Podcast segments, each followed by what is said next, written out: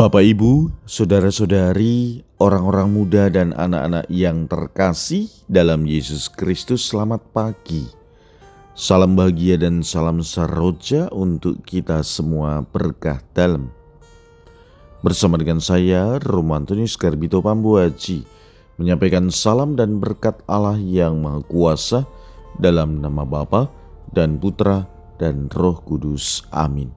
Hari ini Jumat 21 Juli dalam hari biasa pekan biasa ke-15.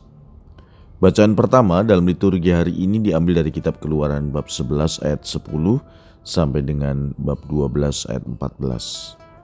Bacaan Injil diambil dari Injil Matius bab 12 ayat 1 sampai dengan 8. Pada suatu hari Sabat, Yesus dan murid-muridnya berjalan di ladang gandum. Karena lapar, murid-muridnya memetik bulir gandum dan memakannya. Melihat itu berkatalah orang-orang Farisi kepada Yesus, "Lihatlah, murid-muridmu berbuat sesuatu yang tidak diperbolehkan pada hari Sabat." Tetapi Yesus menjawab, "Tidakkah kalian baca apa yang dilakukan Daud ketika ia dan para pengikutnya lapar? Ia masuk ke dalam bait Allah dan mereka semua makan roti sajian yang tidak boleh dimakan kecuali oleh imam-imam. Atau tidakkah kalian baca dalam kitab Taurat bahwa pada hari-hari sabat, imam-imam melanggar hukum sabat di dalam bait Allah, namun tidak bersalah? Aku berkata kepadamu di sini ada yang melebihi bait Allah. Seandainya kalian memahami maksud sabda ini, yang ku kendaki ialah belas kasihan dan bukan persembahan tentu kalian tidak akan menghukum orang yang tidak bersalah, sebab Anak Manusia adalah Tuhan atas hari Sabat. Demikianlah sabda Tuhan, terpujilah Kristus. Saudara-saudari yang terkasih, kisah yang baru saja kita dengarkan tadi mengajarkan kepada kita tentang pentingnya kasih dan belas kasih di atas segala persembahan atau ritual ibadah. Yesus dan para muridnya berjalan melalui ladang pada hari Sabat, dan para murid merasa lapar. Kemudian mereka memetik bulir gandum dan memakannya.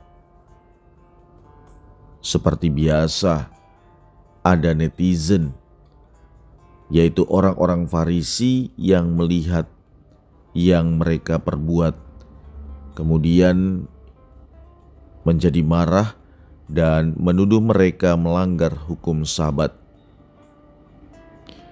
Yang menarik, Yesus memberikan tanggapan. Tanggapannya itu diambil dari kitab Nabi Hosea Kasihku adalah kehendak yang ku kemukakan, dan belas kasihanku adalah korban bakaran.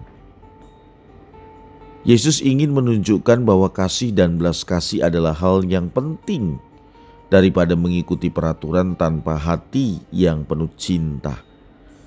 Persembahan ibadah yang didasarkan hanya pada ritual fisik tanpa mengalirkan kasih sesama hanyalah korban yang hampa dan tidak berarti.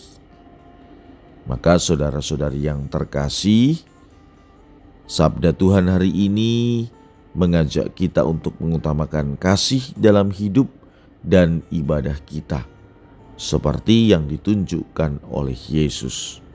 Sebab kasih adalah inti dari iman kita.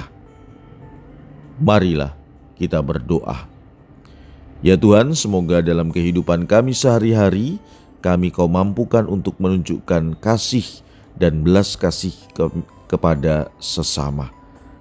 Berkat Allah yang Maha Kuasa, dalam nama Bapa dan Putra dan Roh Kudus. Amin.